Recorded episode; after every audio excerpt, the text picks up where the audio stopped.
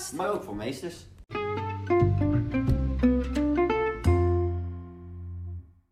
Hallo allemaal en welkom bij Juf de podcast. De podcast voor en door studenten en iedereen die houdt van het onderwijs. Welkom bij aflevering 6 alweer.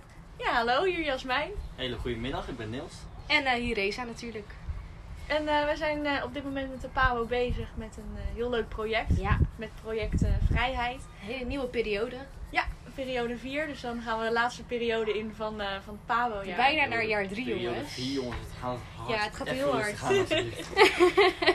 En dit is dus weer een van onze projectweken waar we dus nu mee bezig zijn. Waar deze podcast ook voor staat. Dan gaan we praten over vrijheid. We hebben een eh, gast eh, bij ons. Ja, En eh, nou, wat het project eigenlijk inhoudt is eigenlijk wat betekent vrijheid voor jou. We praten met school over de Tweede Wereldoorlog. eh, de vrijheden die nu in Nederland zijn met, eh, met godsdiensten. Het belang van vrijheid vind ik ook heel belangrijk. Ja. ja, en wij krijgen dan allerlei opdrachten die we daarvoor mogen uitvoeren. ja, en als opening van het project hebben wij eigenlijk een, een heel mooi verhaal te horen gekregen.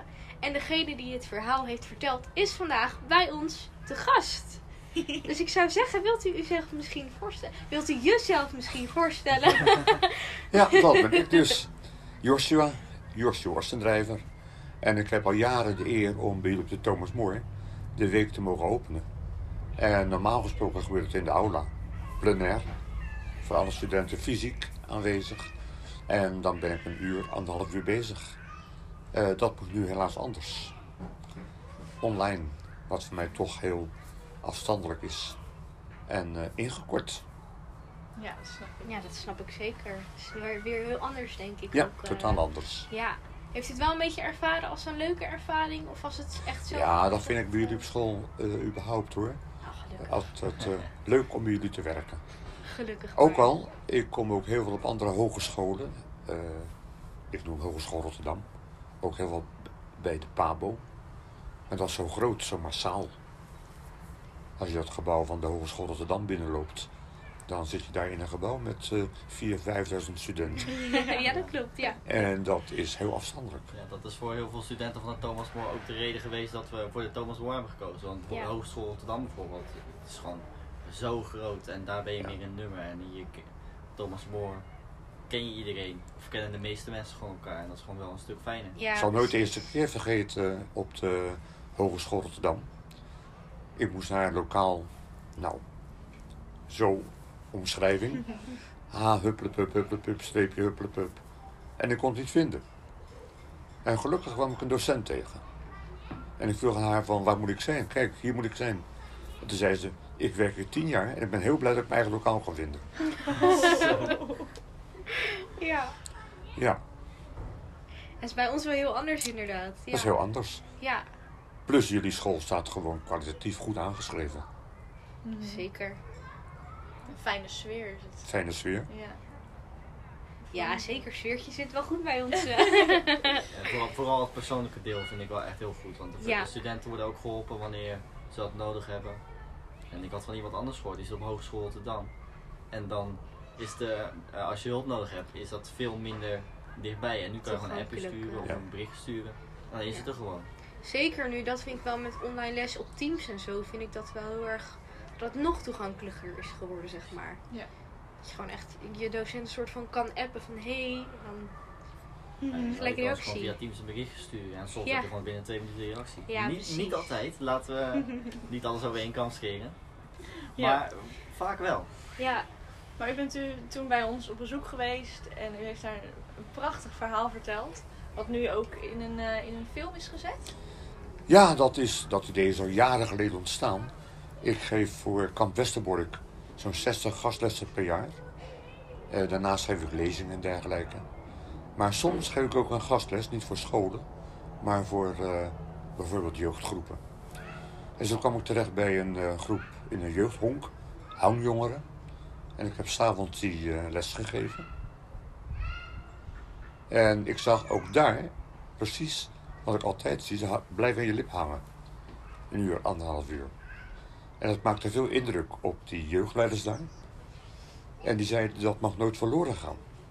En je bent nog eh, niet zo oud. Ik zou toen een jaar of 70 zijn geweest. Je bent gezond. Maar er komt een tijd dat je het straks misschien niet meer kan doen. En het verhaal moet bewaard blijven. En een van die eh, jeugdleiders was voor zijn professie eh, cameraman. En daar ontstond het plan, we gaan jouw verhaal als film opnemen. Maar goed, dat moet allemaal vrije tijd. En dat suddert nog steeds. Wat jullie hebben gezien is een ruwe vorm. Ja. Het moet nog worden afgemonteerd. Maar zover nu wel, dus dat jullie hem hebben gezien. Ja. Ja, ja, ik vond het heel gaaf. En we gaan hem vandaag natuurlijk nog meer vereeuwigen doordat u het verhaal gaat vertellen. Ja, ik stelde me net voor als Joshua Ostendrijver. Maar dat is niet de naam waaronder ik geboren ben. Ik ben geboren, het heb ik pas heel laat ontdekt in mijn leven, op een onderduik, onderduikadres in Rotterdam, op het Pijnakkerplein. Daar zaten mijn ouders, twee Joodse mensen, Simon Ostendrijver en eh, Rosa Sanders, zaten er ondergedoken met mijn broertje David. Maar mijn moeder was zwanger. En dat is een groot probleem. Je bent ondergedoken. Je moet al stil zijn. Je moet het geheim houden. Kan je je buren vertrouwen. Mogen de buurt weten dat, dat die mensen onderduikers hebben. Maar wat doet zijn baby als hij geboren wordt? Zijn baby gaat huilen. En dan zou je verraden kunnen worden. Het gezin Ostendrijver. Maar ook die oude mevrouw die onderduikgelegenheid gaf. En toen is ze afgesproken met eh, de huisarts, die zat in het verzet, dokter Bosma, dat wanneer ik geboren zou worden, zou hij er zijn. En hij zou mij direct meenemen, weg van dat onderduikadres, en zou ik worden gebracht naar de niet-Joodse vriendin van Roos Sanders, van mijn moeder. Dat waren mensen die konden geen kinderen krijgen. Waren kinderloos. En mijn eh, pleegmoeder, dat zou ze dan worden, Annie. Die zou gedurende de oorlog doen alsof ik haar kind was. En als de oorlog was afgelopen, dan zou ik worden teruggehaald door mijn echte Joodse ouders. Dan wordt het 9 november 1943. Mijn moeder heeft weeën. Maar dokter Bosma kwam niet. De Duitsers kwamen, ze waren verraden. Ze heeft het huis gehaald, auto ingetrapt. En toen zag een van die Duitsers dat mijn moeder weeën had. En waarom dit zei, misschien was het een goede Duitser. Maar hij heeft de operatie afgeblazen. Ze zijn teruggegaan het huis in. En zijn weggereden. Maar dan had de boodschap, we komen snel terug. En om half acht morgens werd ik geboren. En om tien over half acht, tien minuten later, toen eh, heeft dokter Bosma me meegenomen. En ik ben altijd trots op mijn Joodse moeder. Wat moet er van haar zijn geweest? Ze heeft negen maanden mij bij zich gedragen. In haar buik. Ze heeft me gevoeld. Ze heeft waarschijnlijk gepraat met me. Wat elke moeder doet met die dikke buik van haar. En heb je het kindje in je armen. En dan moet je het weggeven. Dat eh, lijkt me zoiets vreselijks. Voor een moeder. Maar goed, ik ben bij Annie en Henk terechtgekomen. Annie en Henk Slecht. En die hebben mij aangegeven als hun kind. Ik heet ineens Klaas. Hele Hollandse naam. Slecht. En ze hebben heel hun leven gedaan alsof ik hun kind was. En toch had ik ongeveer vanaf mijn vierde jaar in de gaten. Er is iets met mij. En dat kwam. Ik had met mijn eh, pleegvader een hele slechte band. Ik was niet welkom bij hem. Ik was. eh, hij negeerde mij. Hij kleineerde mij. Mijn pleegmoeder niet hoor, die was gek op mij. Maar ik, ik zat niet in een veilige omgeving. Maar er was een collega van mijn pleegvader, Hein, en daar kon ik het heel goed mee vinden. En ik heb ook vaak gedacht, was die man nou maar mijn vader? Wat zou dat leuk zijn? Maar goed, ik lig op bed s'avonds en de deur staat een kier. En ook mijn Hein is op visite. En ik vond het gewoon prettig om naar die, die stem van hem te luisteren. Maar ineens hoor ik mijn naam noemen. En ik hoor hem zeggen, Klaas is een lief jochie. Maar jullie kunnen hem nooit houden. En dat maakte me heel bang. Ik was vier jaar. En ik dacht, kunnen wij niet houden? Moet ik weg bij papa en mama? En de volgende dag heb ik aan mijn pleegmoeder gevraagd... Mama, wat bedoelt oma Hein? Jullie kunnen hem niet houden. Het was even heel stil. En toen zei ze... Ja, dat weet jij niet. Maar je bent heel erg ziek. En we zijn bang dat je doodgaat. Nou, dat is natuurlijk een heel bizar antwoord. Naar een kind van vier. Al zou het waar zijn, hè? Dan zeg ik het nog niet. Maar ik werd boos, want het was niet waar. Ik hoefde naar een dokter. Er kwam nooit een dokter. Ik hoefde naar een ziekenhuis. Hoe kon ze dat nou zeggen? Mama zat gewoon te liegen. En dat is mijn eerste twijfel geweest. Ik noem het eens puzzelstukjes. En ze zijn er veel meer geweest. Mijn pleegmoeder droeg dit kettingje. Een Davidsterretje. En toen ik een jaar of tien werd, was... en ik ging begrijpen wat dat voor een symbooltje was... dan vroeg ik herhaaldelijk aan haar... Ma, waarom draag jij een Davidsterretje? Je het dan de Joods? En dan gaf nooit antwoord. Alsof ze me gewoon niet hoorden. En ik heb ook eens gewoon openlijk gevraagd van... Zijn jullie echt mijn papa en mama? Tuurlijk zijn wij je papa en mama. En mijn dochter, Siska... die heeft over dat kettingje nog een keer gevraagd... in 1994. Toen was Siska 24 jaar. En het was het laatste jaar waarin mijn pleegmoeder leefde. Oma, waarom draag jij een jodensterretje? Oh, zei ze, dat heb ik eh, ooit gekregen van een Joodse vriendin van mij.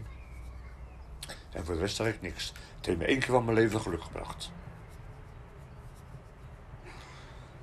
Nog zo'n gek puzzelstukje, ik ga het niet allemaal vertellen. Maar ik ben een jaar of 15. En ik sta op de Oude Dijk in Rotterdam op de tram te wachten. En toen komt er een mevrouw naar mij toe. En die zegt, ik weet wie jij bent. Maar dat weet jij zelf niet. Dus ja, dat ging heel erg leven leiden. En het maakte mijn hoofd een beetje erg onrustig. En op een gegeven moment werd ik een jaar of vijftig. Zelfs depressief. En uh, zelfs suicidaal. Ik had geen zin om verder te leven. Na hun dood ben ik gaan zoeken. Wie ben ik? En toen ben ik na jaren terecht gekomen bij een uh, achternichtje van mijn pleegmoeder. En die zei, mijn moeder leeft nog. Die is nu 90. En die heeft in de oorlog bij, moet ik even nadenken, haar tante en oom in huis gewoond. Omdat er thuis problemen waren. En die heb ik vaak horen praten over een Joods gezin. Ik ben daar gaan praten. En toen bleek zij gewoond te hebben bij die oom en tante. Wat trouwens de vader en moeder bleken te zijn van mijn pleegmoeder. En die woonde vlakbij het Pijnigmerplein. Waar mijn echtouders zaten ondergedoken. En die heeft alles van dichtbij gezien. Het heeft mij heel lang gekost, een half jaar, want ze wilde niks vertellen. Maar uiteindelijk heeft zij mij de waarheid verteld. Ja. Een heel mooi verhaal vind ik dat. Hoe Ja. dat allemaal heeft gelopen. Dat is... Het is eh, met mijn ouders en met mijn broertje David niet goed afgelopen. Want nadat ik geboren ben, toen zijn ze met behulp van het verzet verder gevlucht. Diezelfde dag nog. Maar ja, mijn moeder was net bevallen. Dat ging niet zo snel. Kleine stukjes. Die eerste dag alleen naar Rotterdam-Zuid. En na verloop van een week kwamen ze aan in Brabant. In het plaatsje Molenschot, eh, vlakbij uh. Onder Breda. Daar kwamen ze in een café. In een heel klein geheugje. En na een half jaar is het toch fout gegaan. Weer verraden. en eh, in Westerbork aangekomen. Daar vandaan naar Auschwitz en vergast. En dan heb je dat ontdekt. En dan denk je dat je speurtocht ten einde is. En je moet je emoties verwer- verwerken. Maar tegelijkertijd krijg je inwendig de opdracht om nog een speurtocht te doen. Want dat is mijn ouders overkomen. Dat is mijn broertje overkomen. Maar de rest van de familie. Wat is daarmee gebeurd? Nou, dan kom je tot de trieste conclusie dat 83 ooms, tantes, neefjes, nichten, grootouders ook zijn vermoord. Meest in Auschwitz, sommigen in Sobibor en een enkeling in Mauthausen. 83. En dan krijg je een derde speurtocht. Leeft er nog iemand? En dan ontdek je dat van mijn moeders kant drie broers het hebben overleefd. Dat is ten eerste Joël, maar die zat in, in Indië in die tijd, in de oorlog. Als militair. Heeft overleefd. Jaap, Jaap Sanders. Jaap Sanders is bevrijd uit Auschwitz, maar was zo beschadigd psychisch dat hij de aankomst in Nederland gelijk opgenomen in de Sinai-kliniek, psychiatrische inrichting. En Leen Sanders, broer van mijn moeder. Leen was voor de oorlog bokser. En die was kampioen Nederland middengewicht. Hij is met zijn vrouw, Sally, en met zijn twee zoontjes, Joshua en David, naar Auschwitz vervoerd. Daar zijn Sally en zijn twee zoontjes gelijk die zondag nog vergast. Maar hij was een potige man door zijn boksen. Hij werd dwangenwijder. En s'avonds wordt hij kaal geschoren. En dan zat er eens Esther te kijken naar hem. En toen zegt hij tegen hem, ben jij bokser? Oom Leen had beschadiging aan zijn oor. Een zogenaamd bloemkenoor. Wat vaak bij boksers voorkomt. Oom Leen knikte, ja, ik ben bokser. Toen vroeg hij ze, je naam? Lin Sanders. En die is Esther, een boksfanaat, raakt helemaal in extase. Jij bent kampioen Nederland. Ik heb jou zien boksen in Berlijn. Ik heb jou zien boksen in Aken. En oom Leen die kreeg een baan in de keuken. En dat heeft hem door de oorlog heen geholpen. Door Auschwitz heen. Had goed te eten. Maar oom Leen zou oom Leen zijn geweest. Hij zat voor de, zijn transport naar Auschwitz ook in het verzet. Als hij daar ook verzet had gepleegd. Door uit de keuken, zoals hij het zelf noemde, te organiseren. Spullen mee te nemen naar de barak. En daar andere gevangenen mee in leven te houden. Oom Leen heeft de oorlog Auschwitz overleefd. Totdat eh, in januari 45 de Russen aan tocht zijn. Dan gaan die Duitsers die concentratiekampen ontmantelen. En alles wat nog leeft, dat wordt op dodenmars gestuurd. Ze moeten lopend naar Duitse kampen. Ze moeten daar weg. Maar ook dat heeft oom Leen overleefd, die dodenmars. Oom Leen is overleden, ik geloof ergens in 1970. Heb ik dus nooit gekend. Ik heb wel later zijn tweede vrouw ontmoet. Maar dat is een ander verhaal. Dan van mijn vaderskant, en daarom vertel ik dit verhaal zo uitgebreid. Daar heeft alleen oom Isaac de oorlog overleefd. Van de tien broers en zussen is hij de enige. En waarom heeft oom Isaac de oorlog overleefd? Hij was gemengd gehuwd. Hij had een katholieke vrouw. Oom Isaac heeft een aantal kinderen gehad. En daar leefde er nog eentje van. Dat is een voornicht van mij. Zij is een dochter van een broer van mijn vader. Ja, dat had ik ontdekt. En ik heb ook met behulp van vrienden haar telefoonnummer achter, kunnen achterhalen. en haar eh, adres. Maar toen had ik een probleem. Als ik dan ga bellen, dacht Til, met je neef. Dat mens verklaart mij voor gek. Dat gaat nooit lukken. Toen ben ik haar gaan mailen. En op die mail kwam een antwoord. Heb ik het kunnen antwoorden. En toen hebben we afgesproken. Twee vreemde mensen voor elkaar. En een vreemd verhaal. We spreken af in een restaurant in Delft. En daar ontmoeten we elkaar. Hebben we gedaan. Ik ben bij het restaurant in Delft. Ik ben er met Katrina, mijn vrouw, als eerste. En dan zien we een auto stoppen. En daar stapt een mevrouw uit. En ik voel het nog. Katrina stoot me aan tegen mijn dijbeen. Ze kijkt en zegt, dat geloof je niet. Exact dezelfde meer loop als ik. Net zo groot als ik. Dezelfde krul als ik. Net zo slank als ik. En ik weet nog haar eerste woorden toen we dichterbij kwamen. Ze slaat de arm om me heen. Twee wildvreemde mensen. En ze zegt, oh lieverd, wij hebben geen DNA nodig.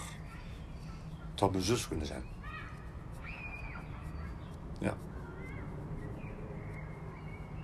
Ik voelde letterlijk wat familie betekent.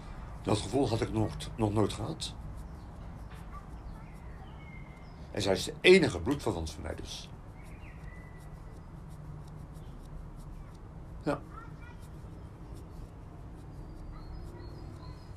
En heeft u ook nog steeds contact mee? Ja, nog steeds. Zij is van 41, ik ben van 43. En Til, die vertelde mij later, toen de oorlog was afgelopen, toen was ik een kind van vijf jaar. En mijn vader, Sjaak, Isaac, Sjaak, die is op zoek gegaan bij instanties zoals het Rode Kruis van is de familie nog uit kampen of uit onderduik. En Til zei, als we jou hadden ontdekt, dan hadden we jou teruggehaald in de familie. Want daar hoor je. En als je dat verhaal hoort, dan moet ik nu weer terugdenken aan Ome Hein. Waarmee mijn verhaal begon. Mijn eerste puzzelstukje. Ome Hein die zei, Klaas is een lief joch, maar jullie kunnen hem niet houden. Dat heeft hij bedoeld. Het was bekend dat Joden die terugkwamen de kampen op zoek gingen naar familieleden. En als ze mij gevonden hadden, dan was ik daar weggehaald.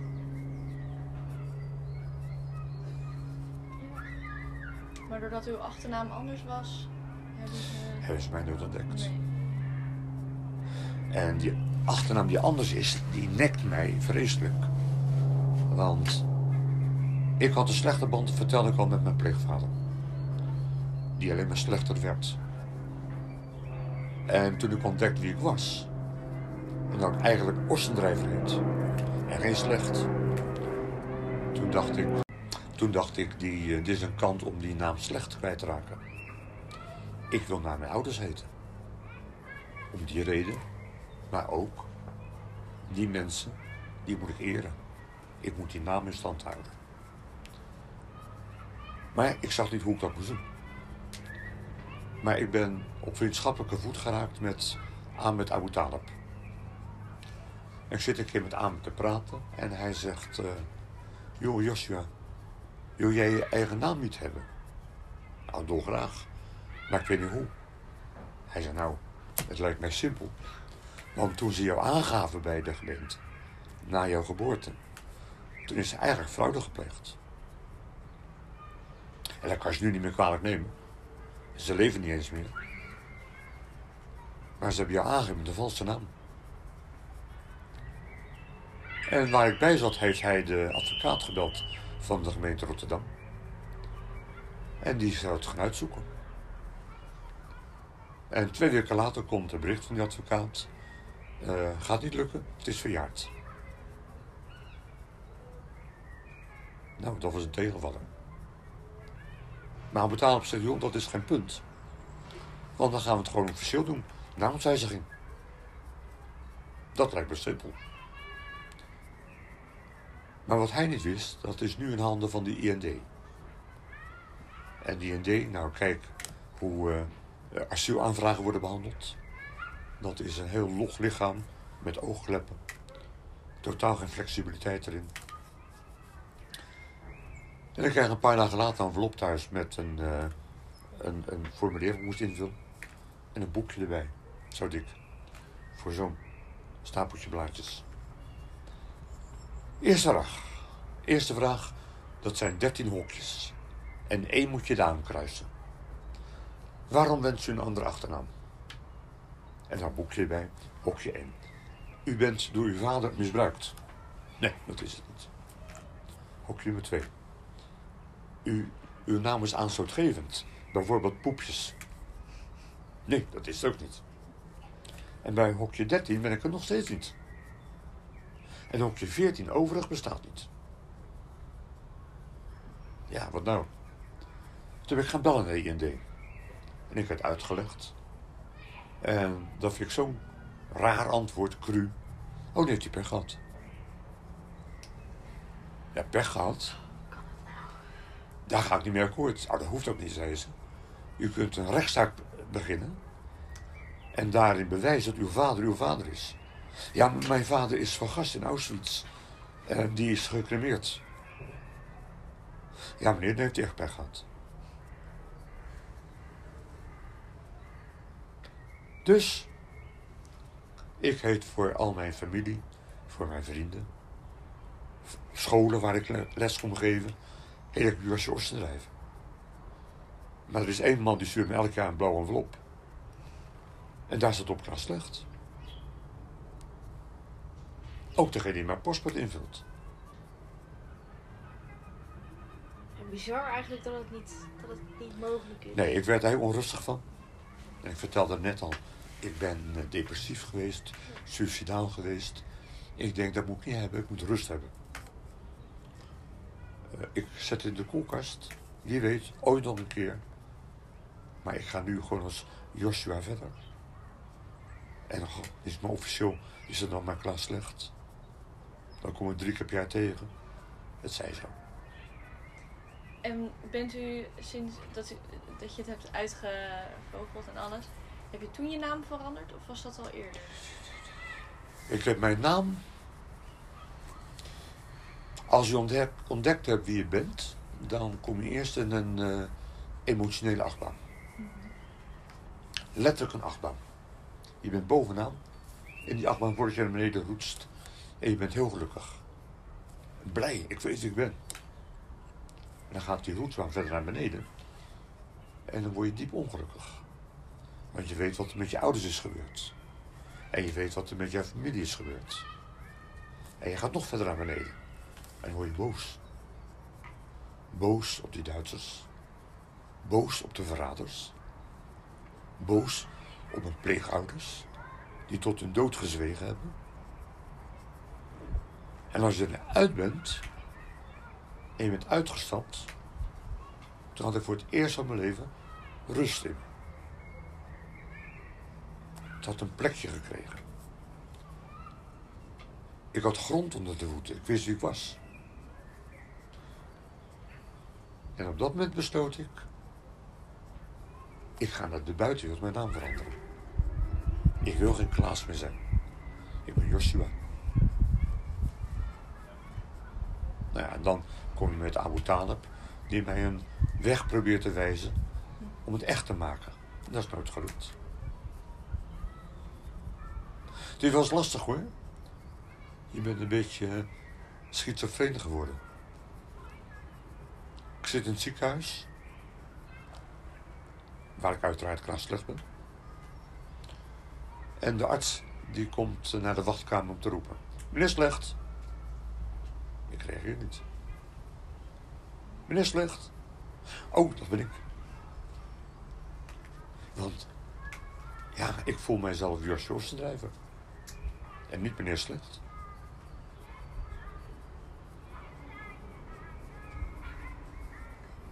Ja, dus als ik het een beetje goed begrijp, eigenlijk. U eh, voelde Ja. eigenlijk een soort. Oh ja, sorry. sorry, ja. Je voelde eigenlijk een soort vrijheid op het moment dat eh, je erachter kwam wie je nou eigenlijk echt was. Maar het werd een soort afgenomen op het moment dat, u erachter, dat je erachter kwam wat er zeg maar allemaal was gebeurd. Ja. Zeker met de naam ook en dergelijke. Ja, je gaat je dan realiseren en het wordt ook werkelijkheid voor je.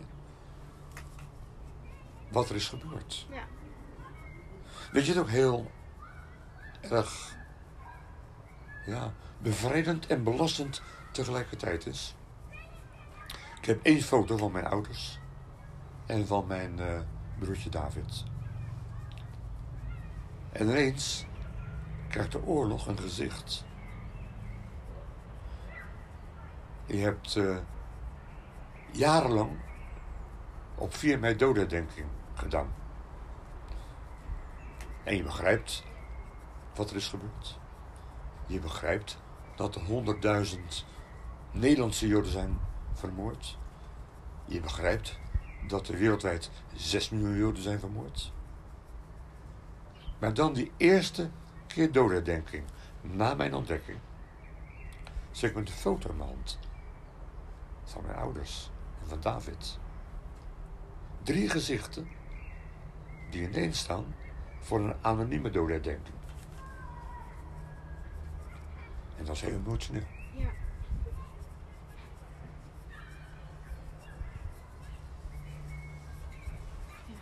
Ja, als het in één keer een gezicht krijgt in plaats van een getal, dat zegt zoveel meer. Dat zegt veel, zoveel meer. Ja. In die verhalen die wij op school te horen hebben gekregen. Ook van een vrouw die. eh, dat, dat, dat was het ook, dan probeerden ze ook telkens in lessen het verhaal een gezicht te geven om het veel sprekender te maken dan getal.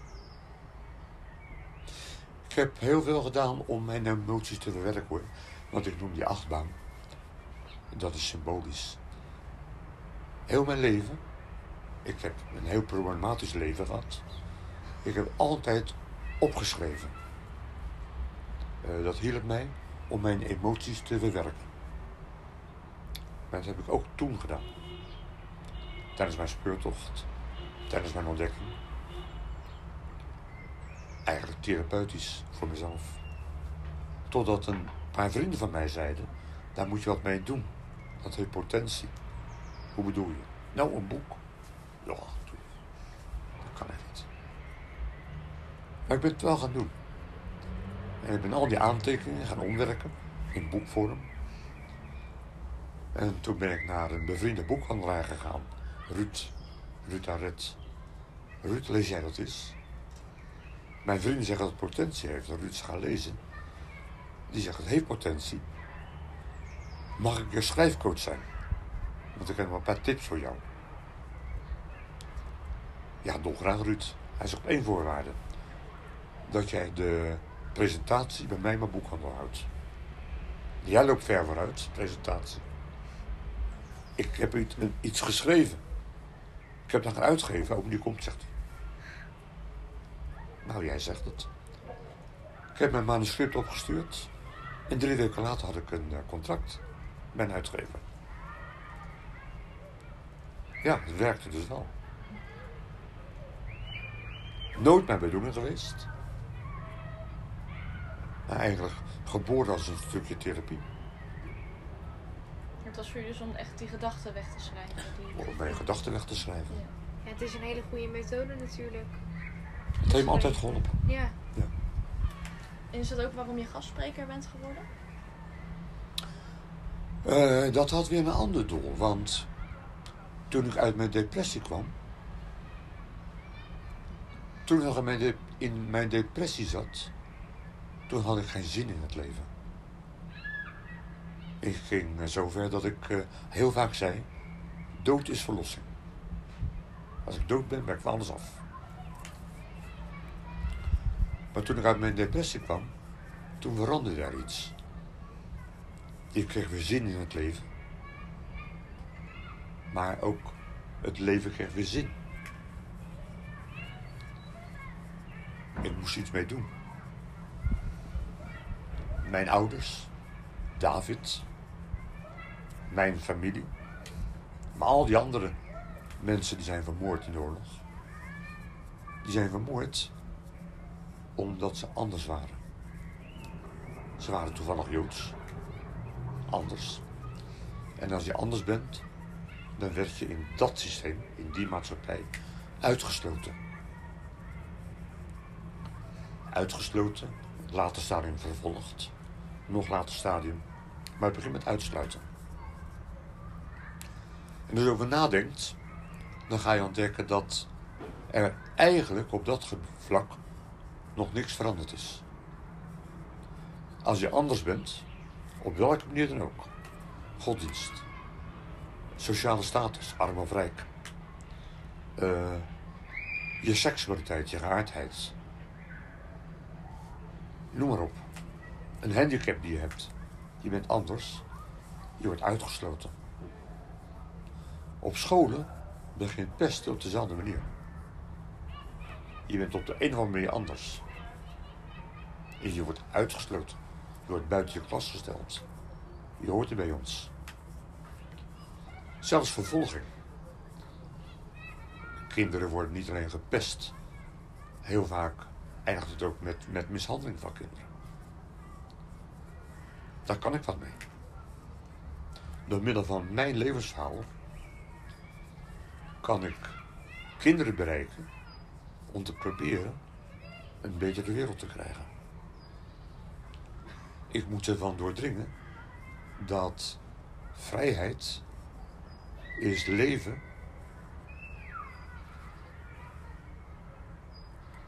Kunnen leven zoals je, zoals je bent, wie je bent. Wat je ook maar bent. Je moet kunnen leven uh, in een maatschappij waar je je veilig voelt en thuis voelt. Ongeacht hoe je bent. Nou, zo ben ik gastspreker geworden bij uh, Kamp. Dat vind ik persoonlijk echt een heel mooi doel. Ik heb voor mezelf ook echt voor de klas uh, als docent inderdaad dat ik heel erg graag mee wil geven aan kinderen. Dat hebben jullie denk ik ook wel. Dat je gewoon echt jezelf mag zijn en dat je, dat je er mag zijn. Dat je, dat je mag zijn zoals je wil zijn. Ik vind het een heel mooi doel. Dat is voor mij vrijheid, hè? Ja.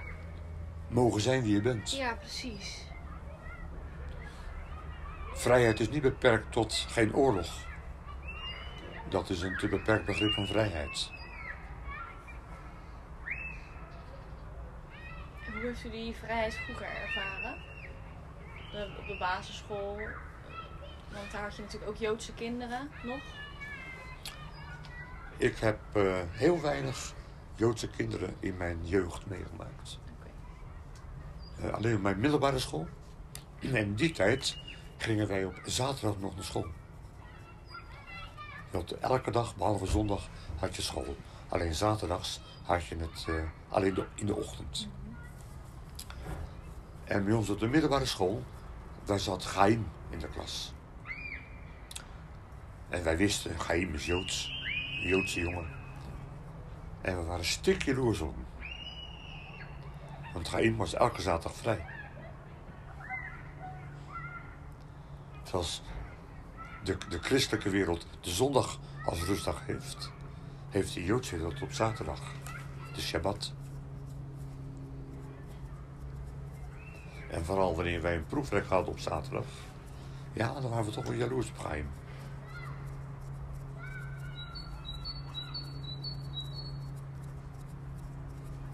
eigenlijk de enige Joodse jongen die ik heb uh, meegemaakt in mijn jeugd.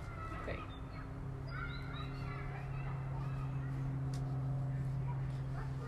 En op de, u heeft ook gewerkt in het onderwijs? Ja.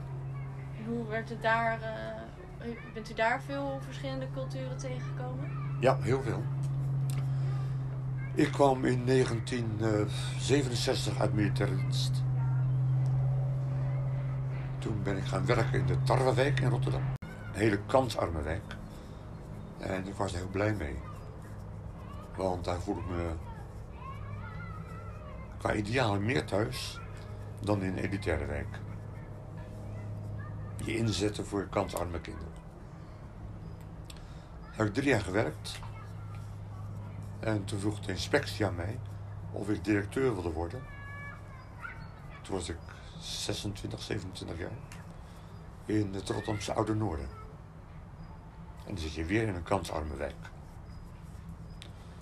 Toen ik daar kwam, was het een witte school. Maar in de loop van een jaar zou die school van 100% wit naar 80% zwart gaan. En zwart tussen aanhalingstekens.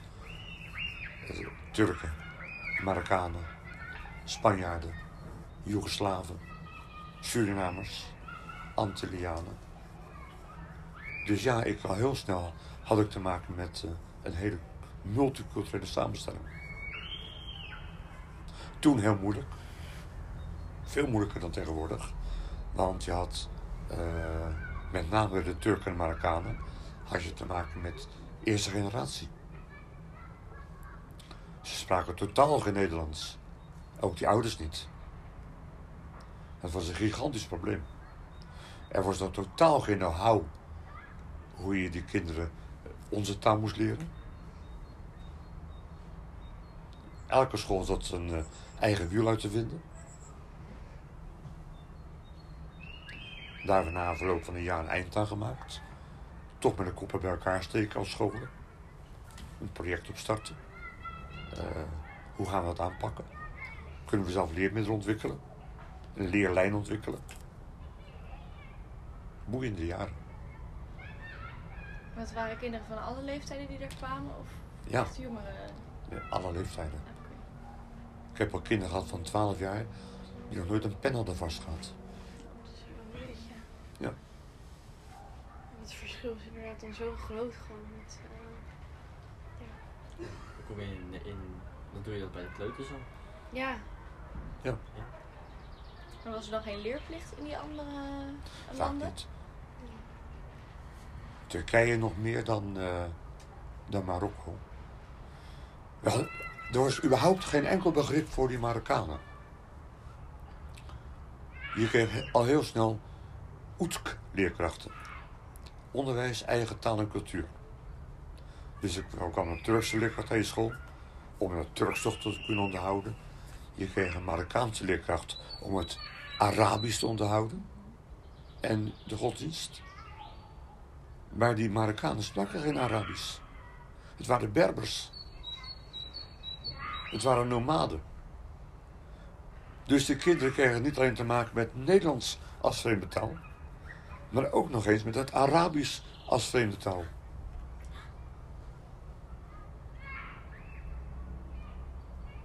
Ja, je Het enige Arabisch dat ze kenden, dat was uit de Koran.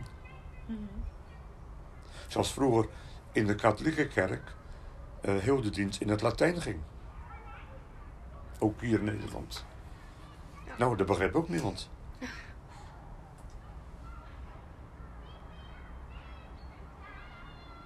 Het waren Berbers, het waren nomaden. Lijkt me heel lastig voor ze om dan hier het onderwijs te volgen. ja, Ja, heel. zeker. Nou, niet te doen. We hebben bij taal geleerd dat je minimaal 90% van een tekst moet, eh, moet eh 90% van de woorden in de tekst moet kunnen lezen om de tekst te kunnen begrijpen.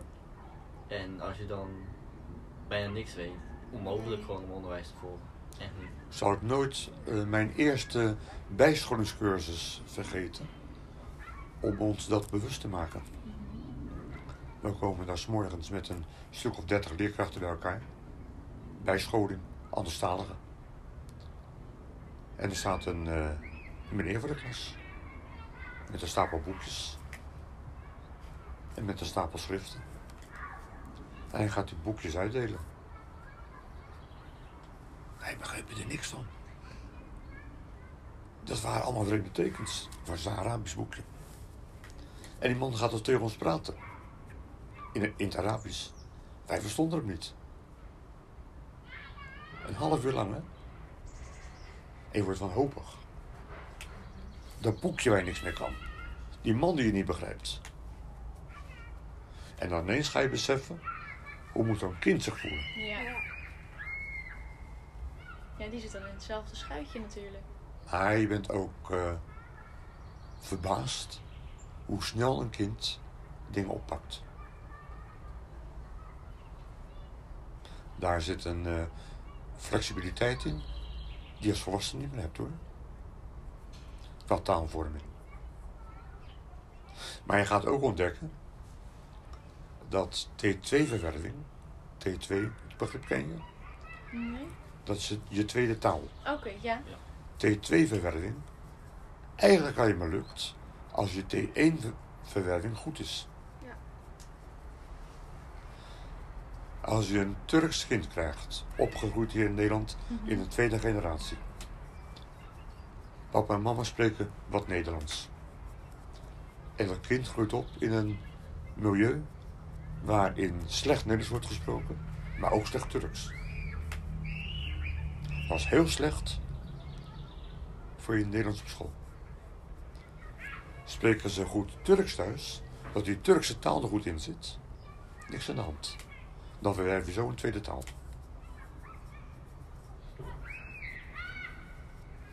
Maar dat wisten wij allemaal niet. Het was een volkomen nieuw terrein in het onderwijs. En ik had voor geen goud willen missen. Nee, het lijkt me inderdaad heel bijzonder om dat, Ja. dat proces mee te Daar maken. heb ik ook zoveel Ja. van geleerd. Ja. Maar ook dingen die niet leuk zijn, zoals eh, Nederlandse ouders die eh, niks van die buitenlandse moeten hebben. Mhm. De kinderen van school gaan halen. Je ziet de eerste verschijnselen komen van, eh, ja, ik noem het bruinhemde partijen. Toen het de centrumpartij van Jan Maat. Mhm. Nu zou je PVV noemen. En daar heb ik heel veel moeite mee. Ja. Het moet niet uitmaken waar jouw wieg heeft gestaan. In welk opzicht dan ook hoor. Want nu is het een wieg heeft gestaan in, in Marokko of in Turkije.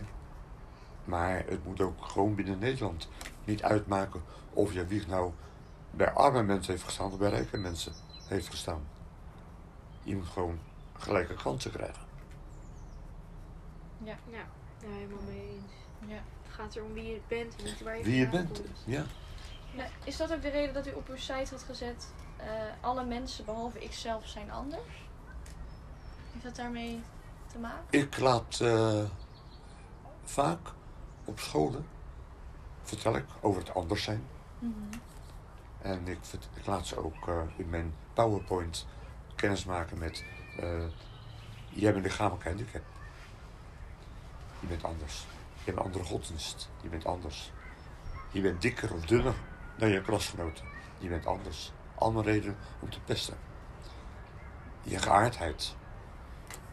Je huidskleur. Als dat nou is bezonken, dan zeg ik tegen de kinderen, wie is hier anders? Niemand. En zeg wat zijn jullie een saai stel. Ik hou jullie niet uit elkaar. Niemand is hier anders. Zelfde ogen, zelfde neus, zelfde haar. Je denkt hetzelfde. Je praat hetzelfde. Wat zijn jullie saai. Wie is hier anders? Ja, we zijn allemaal anders.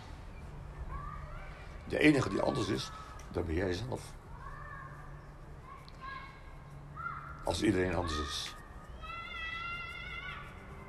Dat vind ik echt een prachtige zin. Ja, zeker. Je moet wel even beseffen.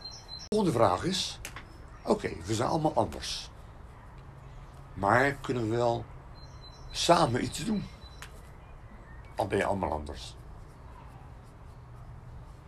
Dan heb ik in mijn PowerPoint het woordje anders staan. Allemaal met andere letters trouwens. Anders. Kijk maar, die letters kunnen het ook. En dan zeg ik er Nederl voor. En dan staat er ineens Nederlanders in plaats van anders. Ja, want al zijn we allemaal anders, we vormen wel samen een groep. Wauw. En dan besef je eigenlijk pas dat anders zijn niet erg is. Want dat maakt je juist uniek, inderdaad. Het is niet erg, het is een zegen. Ja. Blij dat ik niet hetzelfde ben. Ja. Niet Stel je voor, ik ben Niels. Moet je je voorstellen dat je met 30 nieuws in de klas zat. Ja. Nou, wat een... Door de korte weg. Nee, grapje. dat zou wat zijn, joh. 30 Jasmijn of Ja. 30 Jezus. Ik zou niet met 30 personen van ik in de klas willen Het is zo-. Ik weet ook niet of ik het zou Het is zo'n zegen dat je allemaal uniek bent. Het zou het ook zo saai worden. Ja. Saai.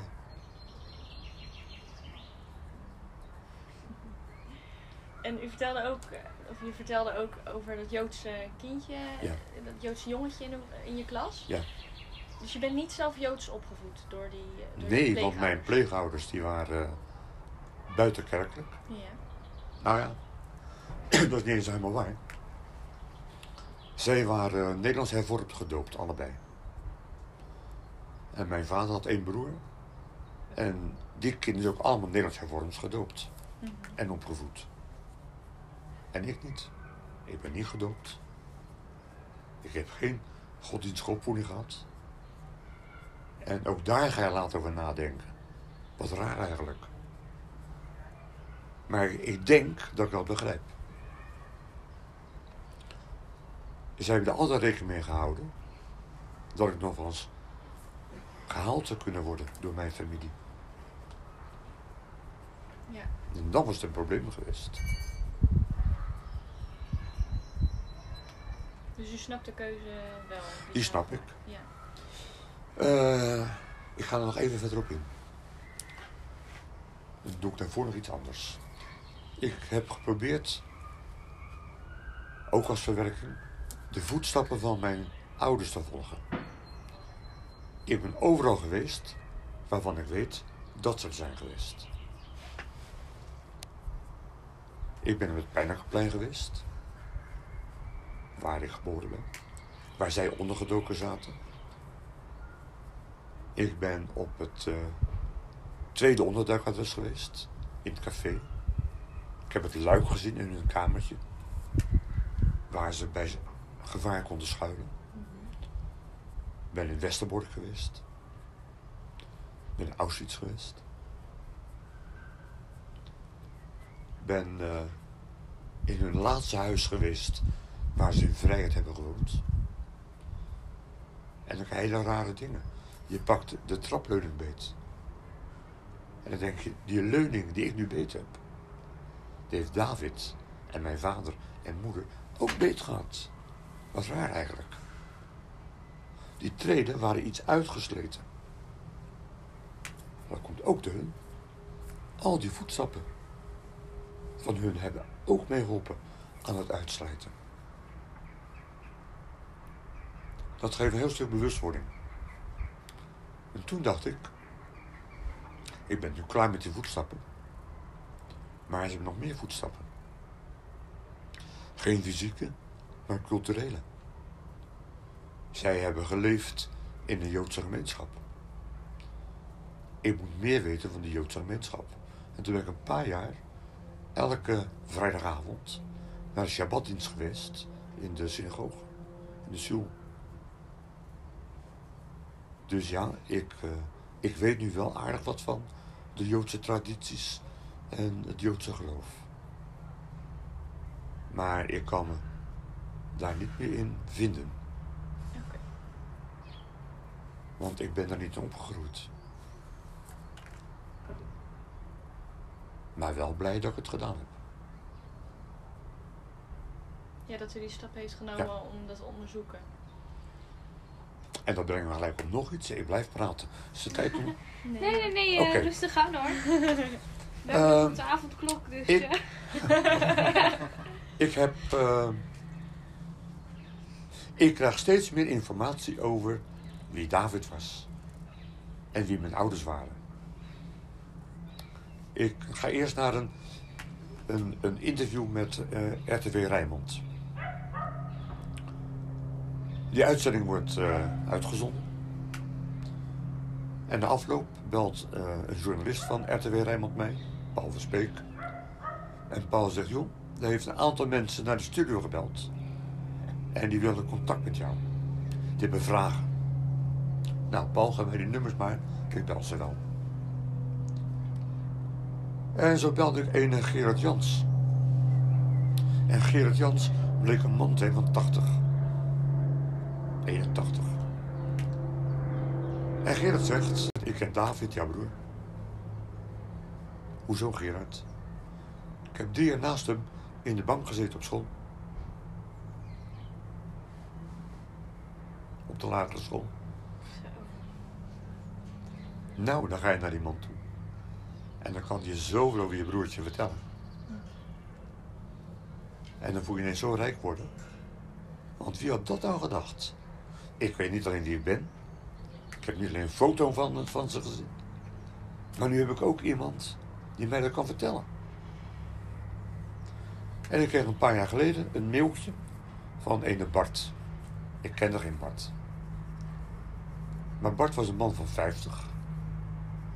En hij zegt: Ik heb een dochter, Lisa, die zit op het VVO. En die heeft bij geschiedenis een opdracht gekregen. Ga naar je grootouders en ga ze interviewen over de oorlog.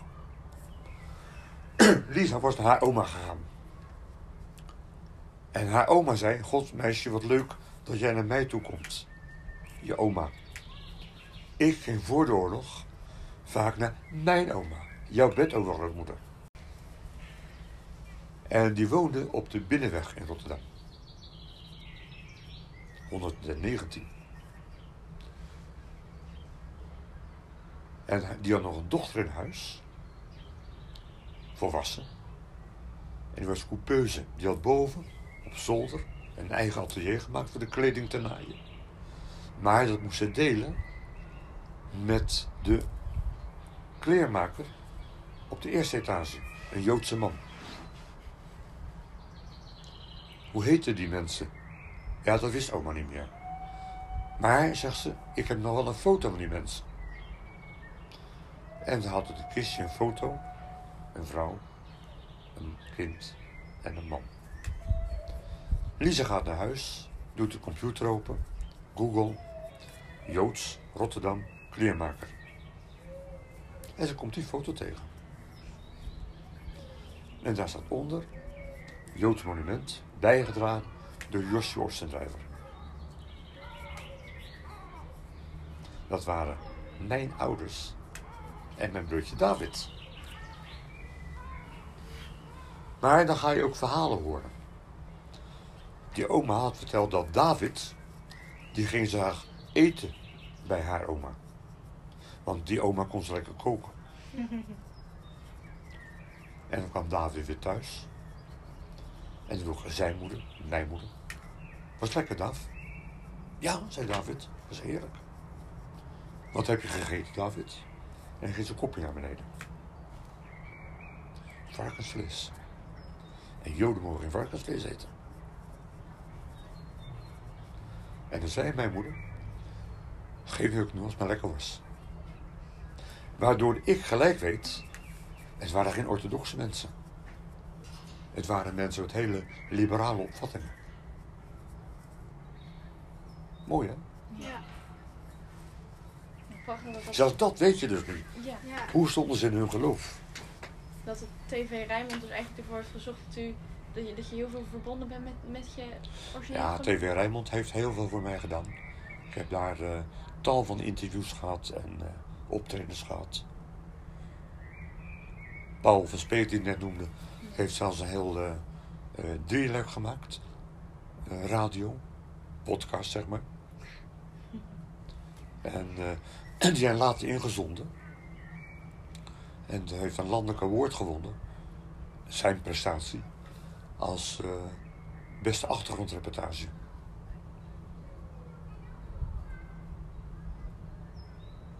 ja, gaaf dat het ook gewoon zo wordt vereeuwigd. eh.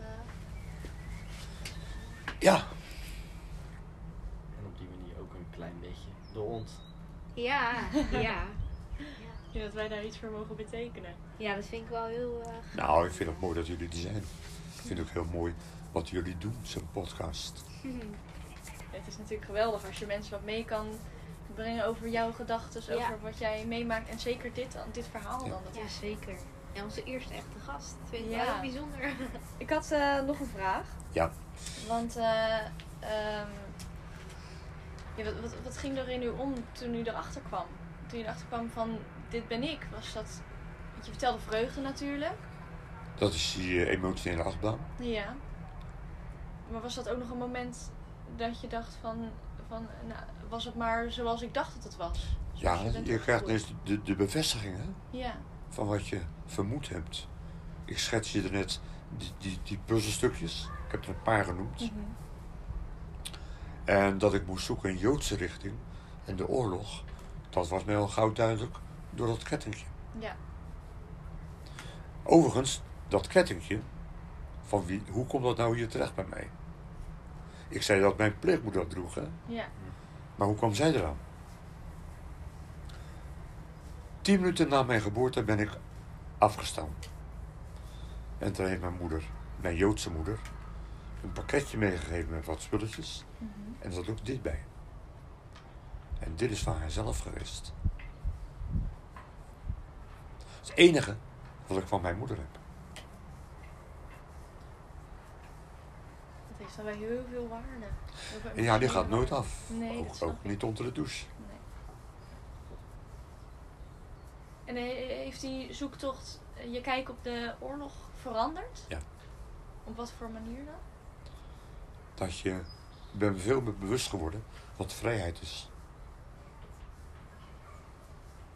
Als we in een wereld zouden leven waarin we allemaal konden zijn wie we zijn, op een veilige manier, waarin je je thuis voelt, dan was dit soort dingen nooit gebeurd. Nee.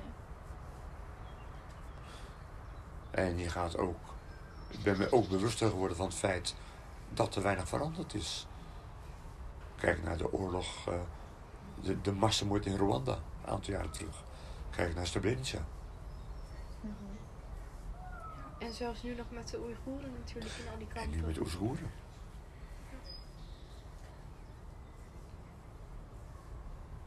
Ja. Dat dit mijn, mijn ouders Joden waren, dat vind ik in wezen bijzaak.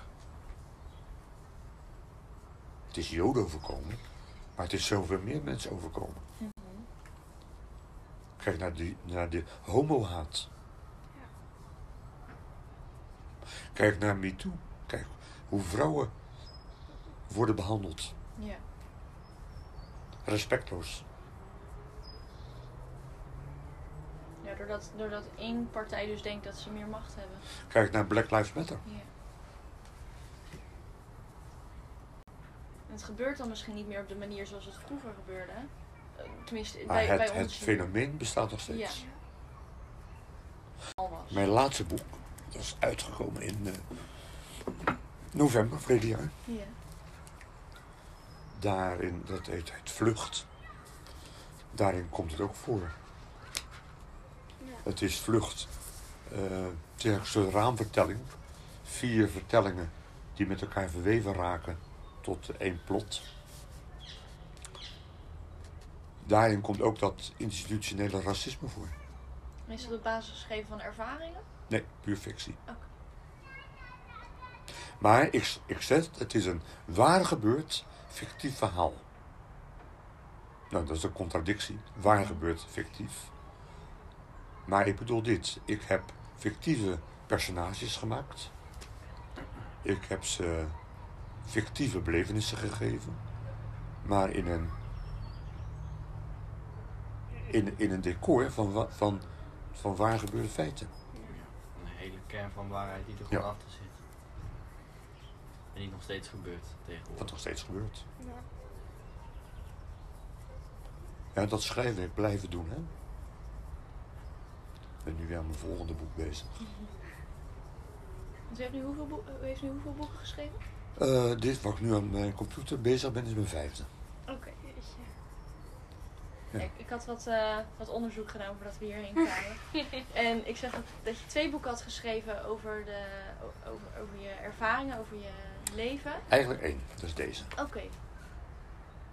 En die is ook, eh, eh, die hebben ze ook in het theater uitgegeven, Ja. toch? Dit boek is... eh, toen ik stolpersteinen liet Weet je wat stolpersteinen zijn? Eh, ja, dat zijn die steentjes die in de straat waar Joodse families Ja. wonen. Ja. Kleine bronzen steentjes, kopersteentjes. Ik heb op de Schiekade, nummer 91C, Schie, sorry, Schieweg, 91C, heb ik er drie laten neerleggen. Eén voor mijn vader, één voor mijn moeder en één voor David. En een goede vriend van mij, die zou erbij zijn, maar die was heel erg ziek. en die zei, ik wil er toch bij zijn, al kan ik niet. Maar mijn schoonzoon, die komt een videoreportage maken ervan. En dan kan ik hem later toch zien. Nou, Huip heeft hem nooit meer gezien.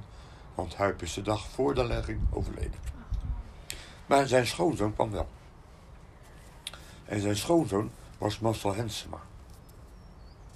Dat zeg je misschien niks. Nee, Dat is een Nederlands acteur. En je kent hem misschien uit Penosa. Mhm. En je kent hem misschien uit dat hij de hoofdrol in Hollands Hoop. Oké. Oh, is hij dat? Ja.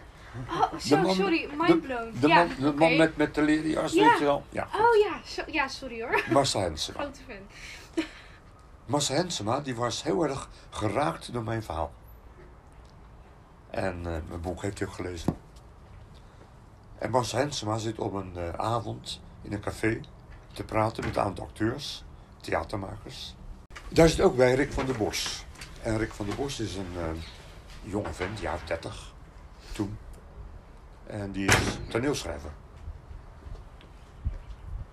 En dat verhaal bleef in zijn kop zitten. Ken je het project Theater naar de Dam? Ja. Nou, dat, jij ook? Ja. Oké. Theater, jij niet? Nee, Nou, nee. even snel uitleggen. Je hebt 4 mei doodherdenking om 8 uur s'avonds. En om 9 uur s'avonds, een uur later, dan, dan start het Theater naar de Dam. En Theater naar Dam, dan is er een aantal eh, eh, diverse theateruitvoeringen door het hele land heen. Waarbij er dan één groot item is. En dat is een eh, speciaal voor die gelegenheid geschreven toneelstuk. En wordt opgevoerd als leesstuk in acht, negen, tien theaters tegelijkertijd. Door tien verschillende gezelschappen.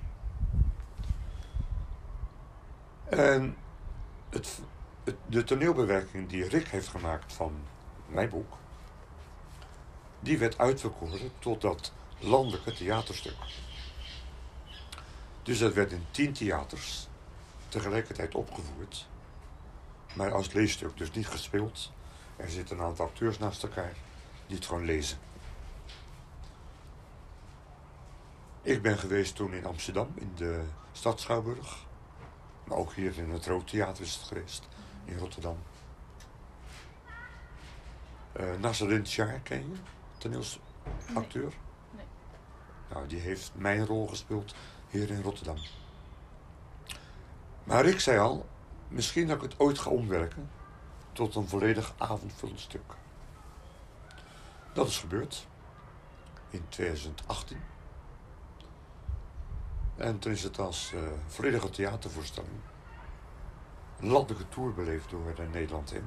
40 theaters. Eh, onder andere met Annette Balherbe, Mhm. bekend. Ja. Actrice. Ja. Paul Kooi. Ja. En dat is een hele belevenis. Vooral wanneer je ook wordt uitgenodigd bij repetities in een vroeg stadium. En dan zit je daar en dan zit je te kijken naar je eigen leven. En dat is het meest bizarre wat je kan overkomen. Ik kan me niet eens voorstellen hoe, hoe raar dat moet zijn. Dat is zo raar. En zo emotioneel. Op een gegeven moment zitten de tranen op je wangen te rollen. En ik heb de voorstelling heel vaak meegemaakt. Van première tot en met dernière. De laatste voorstelling hier in de Schouwburg Rotterdam. Elke keer weer ben je opnieuw ontroerd. Mhm. Dat brengen ze dan over op zo'n manier dat je jezelf eigenlijk een beetje van schrikt. Zeg ik dat goed? Ja, het, het confronteert heel erg. Overigens, die ontroering, die eh, zie je ook in de zaal hoor. Moet daar ook maar eens kijken in mijn eh, kantoorruimte. Hangt een oorkonde. Het heeft een eh, prijs gekregen voor de publieksprijs. Voor de meest imponerende toneelvoorstelling 2018. Wauw. Ja. En Dat je eigen levensverhaal zoiets moois mag. Hoe zeg je dat? Ja. Ja, Dat maar ook, ook daar hopen we toch een boodschap over te brengen. Ja.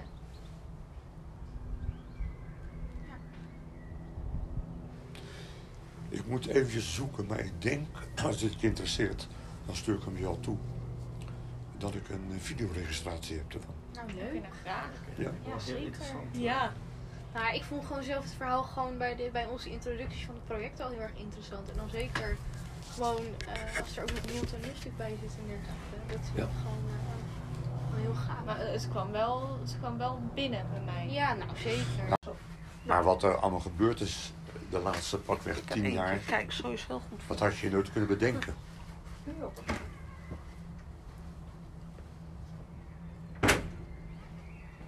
Maar was dat weer een heel traject? Dat, dat je leven eigenlijk een soort van werd omgegooid omdat je hele andere dingen weer meemaakte? Ik ben letterlijk en figuurlijk een ander mens geworden.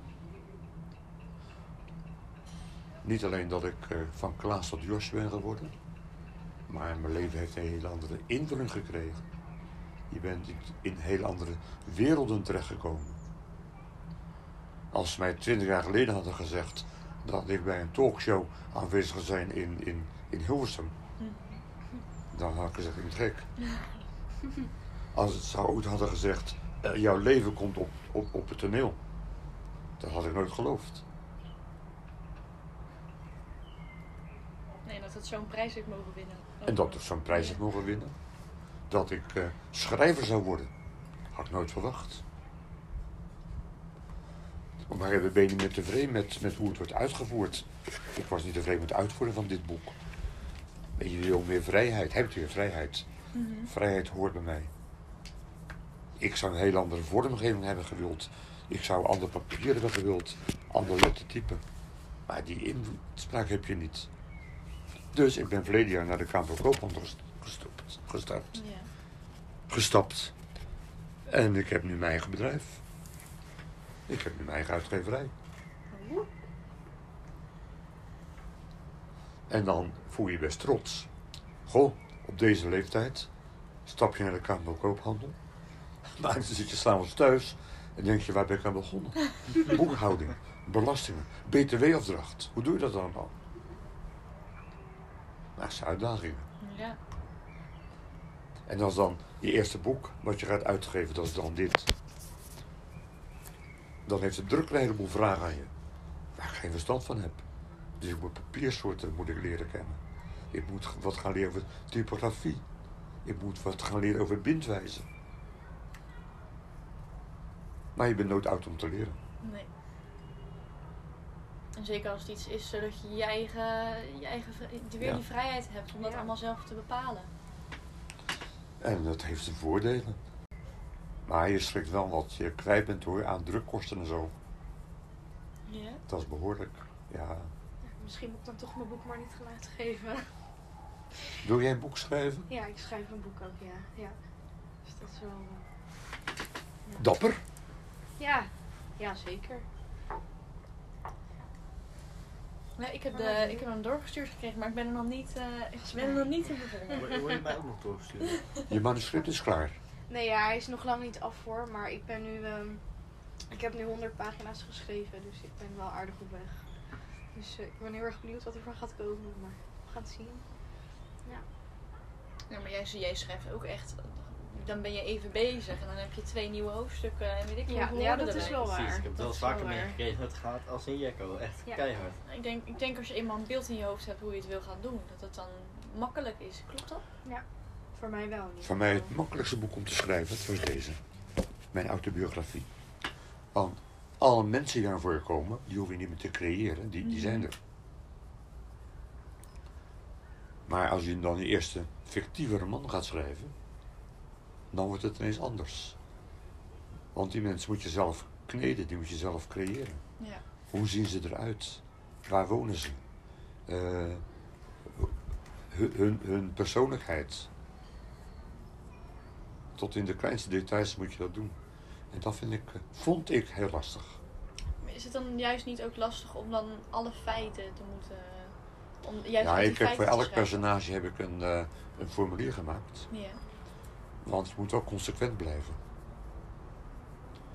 Als iemand in het begin een snoer heeft en aan het eind niet meer, ja. dan klopt het niet meer. Als voorbeeld. Mhm. Dat zijn valkuilen in het begin. Ja. Ah, je moet als, als eigen uitgever moet je ook je eigen promotie gaan doen. En dat was in deze coronatijd best lastig. Hier hield ik boekpresentaties in boekhandels. Nou, dat kan niet meer op het ogenblik. Dus moet je andere dingen gaan doen. Je laat flyers drukken. Je laat boekenleggen erbij doen. Nou, dat soort dingen allemaal. Dat moet je dan ook allemaal nu zelf regelen met die uitgeverij. Ja, en gelukkig kan ik dat. Ik kan aardig zelf eh, vormgeven. Mhm. En, eh, want als je het uit handen moet geven, nou, dat kost je handen vol geld. Ja. Dat doe ik zelf.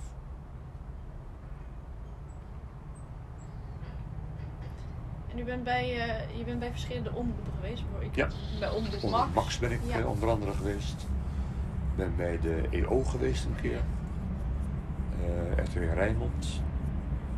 Nou, nog meer lokale omroepen, regionale omroepen. En, en wat is dan het belangrijkste wat je mensen mee wil geven? Ja, dat is altijd die boodschap van vrijheid. Ja. Kunnen zijn wie je bent. Ja, Ja, want Jasmijn en Niels, wat is vrijheid voor jullie?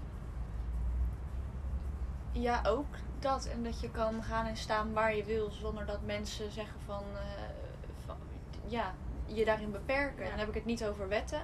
Maar dan heb ik meer over mensen die dan zeggen van ja, maar jij mag niet dat doen. Omdat, eh, nou, bijvoorbeeld inderdaad met huidskleur, met, met eh, welk geloof je hebt. Ja. Dat je dus kan doen wat je wil. Ja, eigenlijk ook de definitie zoals ik hem heb. Ja.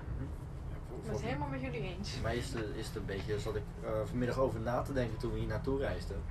Want we zijn gewoon met OV hier naartoe gereisd. Onderweg heb ik ergens een broodje gekocht en wat te drinken. En dat kan allemaal gewoon en je wordt niet tegengehouden. Dus gewoon kunnen doen wat je wil zonder, op, zonder tegengehouden te worden. Dat, dat vind ik vrijheid. En kunnen zijn wie je bent. Gewoon hier naartoe Ja, dat wij kunnen komen. Ja, dat wij op onze leeftijd en zeker ook, tenminste ik, ik ging al alleen met het openbaar vervoer toen ik tien was, dat dat gewoon kan. Dat je daar Mhm. gewoon veilig bij voelt. Ja.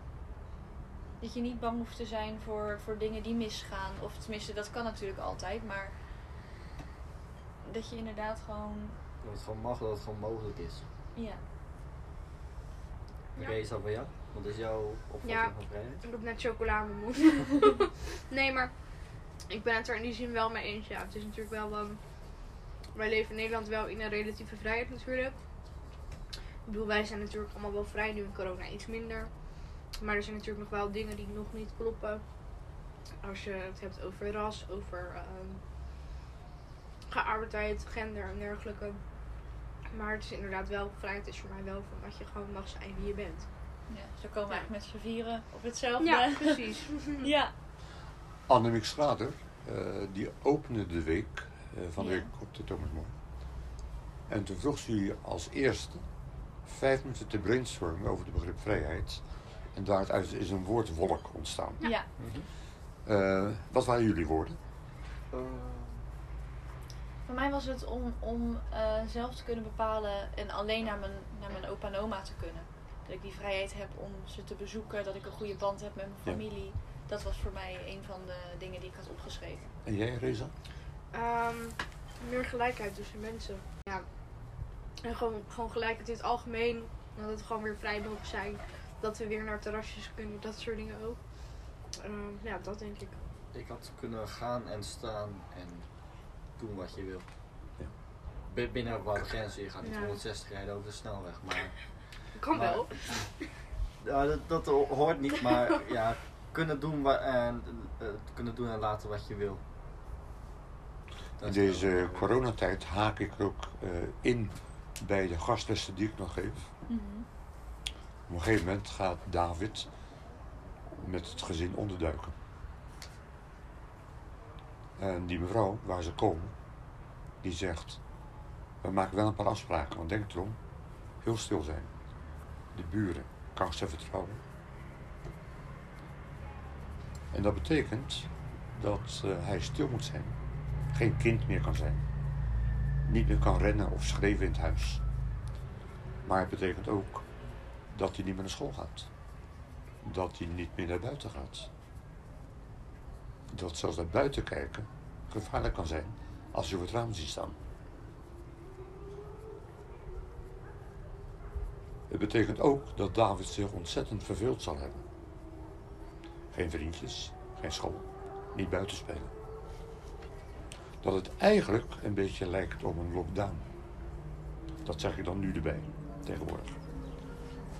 Eigenlijk is dat hele onderduiken een extreme vorm van lockdown. Met een avondklok van 24 uur.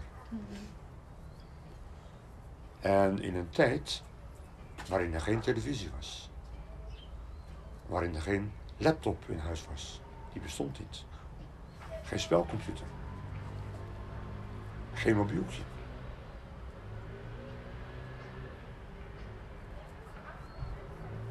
Dat vind ik toch bijzonder hoe wij veel vrijheid we eigenlijk nu nog in deze lockdown hebben. Het is relatief. Ja, Alleen dat besef je niet nee. als je, als je niet realiseert wat het toen was voor mensen die ondergedoken zaten. Want ja, we zijn beperkt in heel veel dingen, maar het is niet dat we, dat we niks meer mogen inderdaad. Met dat uit het raam kijken. Nee, Het maar is gewoon... Maar we mogen gewoon naar buiten, buiten sporten, buiten fietsen. En dit is Nederland, maar je zou een vluchteling zijn in Kamp Moria. Ja. Wat is daar je vrijheid? Nou, niks. Nou, dat is heel bizar. Dan denk ik dat we heel dankbaar mogen zijn in wat voor land en wat voor omgeving we eigenlijk... Ja, Ook Ja. al is het hier natuurlijk helemaal niet perfect. Dit is nergens, nergens is perfect. nee. Maar ik ben heel blij dat ik hier woon. Ja. Zeker. We hebben wel echt ongelooflijk veel geluk gehad. Als je eh, zeker, nou gewoon als je ook naar de rest van de wereld kijkt. Mhm. Nu en in oorlogstijd. Ja, en je hebt geen zeggenschap waar jouw wiegje staat. Hè? Nee. Nee, precies. Mijn dochter Siska, weet je wel, die in Eindhoven werkt Ja. in het ziekenhuis. Een oud studiogenoot van haar, Stef. Stef is trouwens nooit de verpleging ingegaan. Stef die heeft nu een, eh oh Irma Sluis, Oh, nou. een uitvaartbedrijf. Maar hij is aan zijn eigen baas, kan zich vrijmaken. En is drie maanden wezen helpen bij de Stichting Bootvluchteling op Kos. En als je zijn verhalen hoort, nou dan eh, ben ik heel gelukkig hier. Ja. Je zou niet aan moeten denken. Ik heb trouwens veel van zijn verhalen ook in dit boek verwerkt. Oké. Dat je gewoon uit je eigen huis wordt gedreven. Dat je daar Ja. niet meer mag zijn, omdat je daar niet Maar meer de vrijheid hebt. Niet, eh, dat, dat kunnen wij nergens mee vergelijken. Kan- Nee, kan nee, dat denk ik absoluut ook niet. Nee. Dat je gewoon uit je eigen huis gewoon eh wordt gesodemieterd, om het zo even te zeggen. Een van mijn figuren in dit boek, Ja. die wordt eh denkbeeldig. Maar hij is ook vluchtelingenhelper.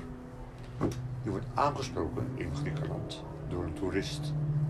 Die zegt van, eh voel je nou een held joh, dat jij die gelukzoekers helpt? En dan zegt die figuur, gelukzoekers? Dat zegt, dat zegt die hulpverlener. Ik zag vanochtend nog een, boot, een, eh, een gelukzoeker. Toen ik van de top sto- opstond en aan het wassen was en keek in de spiegel. Toen zag ik geen. Want we zijn allemaal gelukzoekers in de wereld.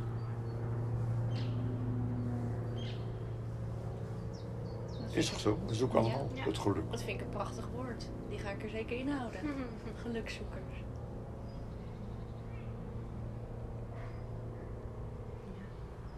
Het zet me wel allemaal aan het denken, dit gesprek. Ja, zo zeker. Ja. Dat vind ik het mooie met PABO-studenten. Ik ben altijd heel blij als ik jullie kan inspireren. En dat is, dat Want er is komt een moment dat ik niet meer in staat ben om les te gaan geven. Eerste jaren nog wel. Maar als ik dan 85 ben, 86, wie weet kan dat niet meer. Nee. En dan heb ik toch een stokje kunnen doorgeven aan jullie. Nou, ik denk dat wij het wel allemaal gaan vertellen in onze klas. eh. En misschien onze luisteraars ook wel. ja. Misschien zijn die ook gewoon geïnspireerd en gaan die ook een beetje ja, precies. op onderzoek uit naar bijvoorbeeld de website of naar de boeken. Nou, gewoon überhaupt al gewoon voor jezelf op zoek naar wat vrijheid voor jou En is. het werkt, hè, want ik heb met sommige studenten, die blijven con- toch contact met je houden. Mhm. Al is het maar via Facebook of wat dan ook.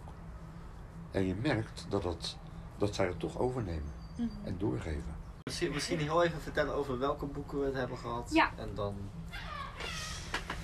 De eerste, dat is mijn eh, autobiografie. Verdoezeld verleden. Eh, de tweede is Broos Rood. En dat is mijn eerste eh, fictieve roman. Speelt deels in de oorlog.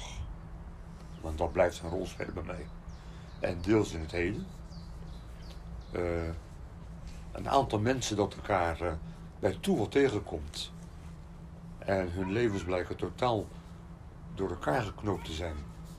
Wat tot een afgrijzelijke gebeurtenis terugleidt die in de oorlog heeft plaatsgevonden.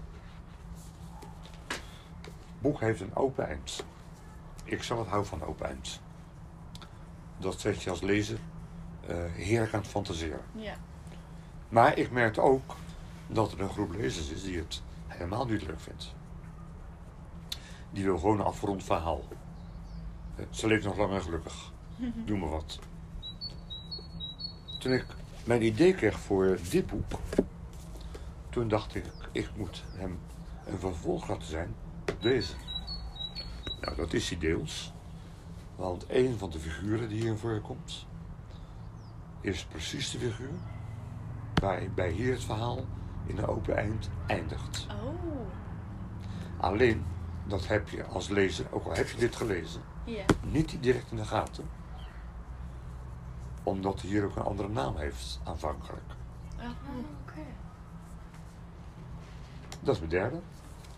Dan heb ik, maar die moet nog worden uitgegeven, een eh gedichtenbundel. Mhm. Zeven leden tijd. Het zijn allemaal gedichten die ik heb geschreven in mijn depressiviteit. Komt over een paar maanden uit. En ik ben nu bezig met mijn volgende boek. Een heel ander boek. Eigenlijk gebeurt in het verhaal weinig. Behalve dat er een geheim wordt ontbloot aan het eind. Maar het gaat veel meer over wie die mensen zijn en met welke problemen ze worstelen. Mhm. Hoe ze psychisch in elkaar steken. Hoe ze tot dingen in hun leven zijn gekomen door hun zijn en door hun verleden. Maar weer speelt de oorlog daar een rol in. Dat is eigenlijk het rode, de rode draad door uw boeken heen. Dat is de rode draad door mijn boek. Ja. En ik heb weer ideeën voor mijn volgende boek. Ja, zo gaat het tijdens het schrijven. Ja. Ja, dat klopt. Nou, gelukkig Daar- ben je nog niet van plan daar- te stoppen. Daar sta je mee op en dan ga je mee naar bed. Het is heel vaak, dan ben ik nu, nu op bezig. Mhm. En dan lig ik in bed en dan lig ik nog even na te malen. En ineens krijg je idee. Dat moet erin. Net uit. Computer aan. Ik herken het ook zo erg. Ja, ik heb het Ja, ook. nou, ik had het een tijdje terug. Ik zat tv te kijken. En ik dacht opeens, oh, dit moet ik doen. En toen heb ik het gelijk uitgeschreven. Dat was heel leuk. Ja, dat ga ik gelijk uitschrijven. Je krijgt altijd opeens die ideeën. Ja. Dat heb ik zelf Ja, ook op een hele andere manier. Altijd met surprises, altijd twee of drie dagen van tevoren. Ja, dat klinkt- ook raar, maar opeens krijg je zo'n idee voor Ja. een hele leuke surprise en dan is het geniaal. Ja, precies. En dat laat ik niet liggen tot de volgende dag. Want als ik dat doe, dan blijft het maal in mijn hoofd. Mhm. Nou, dan slaap ik niet meer. Nee. Nee. Of je bent het kwijt, kan ook. Of je bent kwijt, ja. Ja, en dan ga je er een- waarschijnlijk een heel verhaal weer omheen maken. Van, oh, hoe ga ik dat dan verder doen? Ja. Hoe ga ik dat erin verwerken? Ja. Ja, heel cool. En eh, waar kunnen de mensen uw boeken vinden? Waar kunnen ze u Elke vinden? boekhandel. Elke boekhandel, oké. eh, in de bibliotheek. Mhm. Dit boek, dat moet ik even erbij, ik ben daar trots op. En dat Ik is heb vlucht. Ja. boek opgestuurd naar het Biblion. Ja. En Biblion is de overkoepelende organisatie van alle bibliotheken in Nederland. En mijn drukker had gezegd, zou je het wel doen? Want ze zijn heel kritisch. Ze schrijven een beoordeling, altijd. Mhm. Maar die kan vernietigend zijn. Ze zijn heel kritisch. Ik heb het toch gedaan. En ik kreeg een lovende recensie. En ze bestelden gelijk 86 exemplaren Zo. voor de bibliotheek in eh. Nederland. Van dit boek. Ja, vond ik dat wel lekker. Ja, fijn. En ze kunnen het rechtstreeks bij mij bestellen, de drie boeken. Oké. Ja, op uw website. Via mijn website, via Ja. mijn mail, via... Ja. Oké. En dan denk ik dat we hem hier... eh, Kunnen afsluiten, hè? Ja, Wil je afsluiten? Jij toch? Nou, jullie hartstikke bedankt.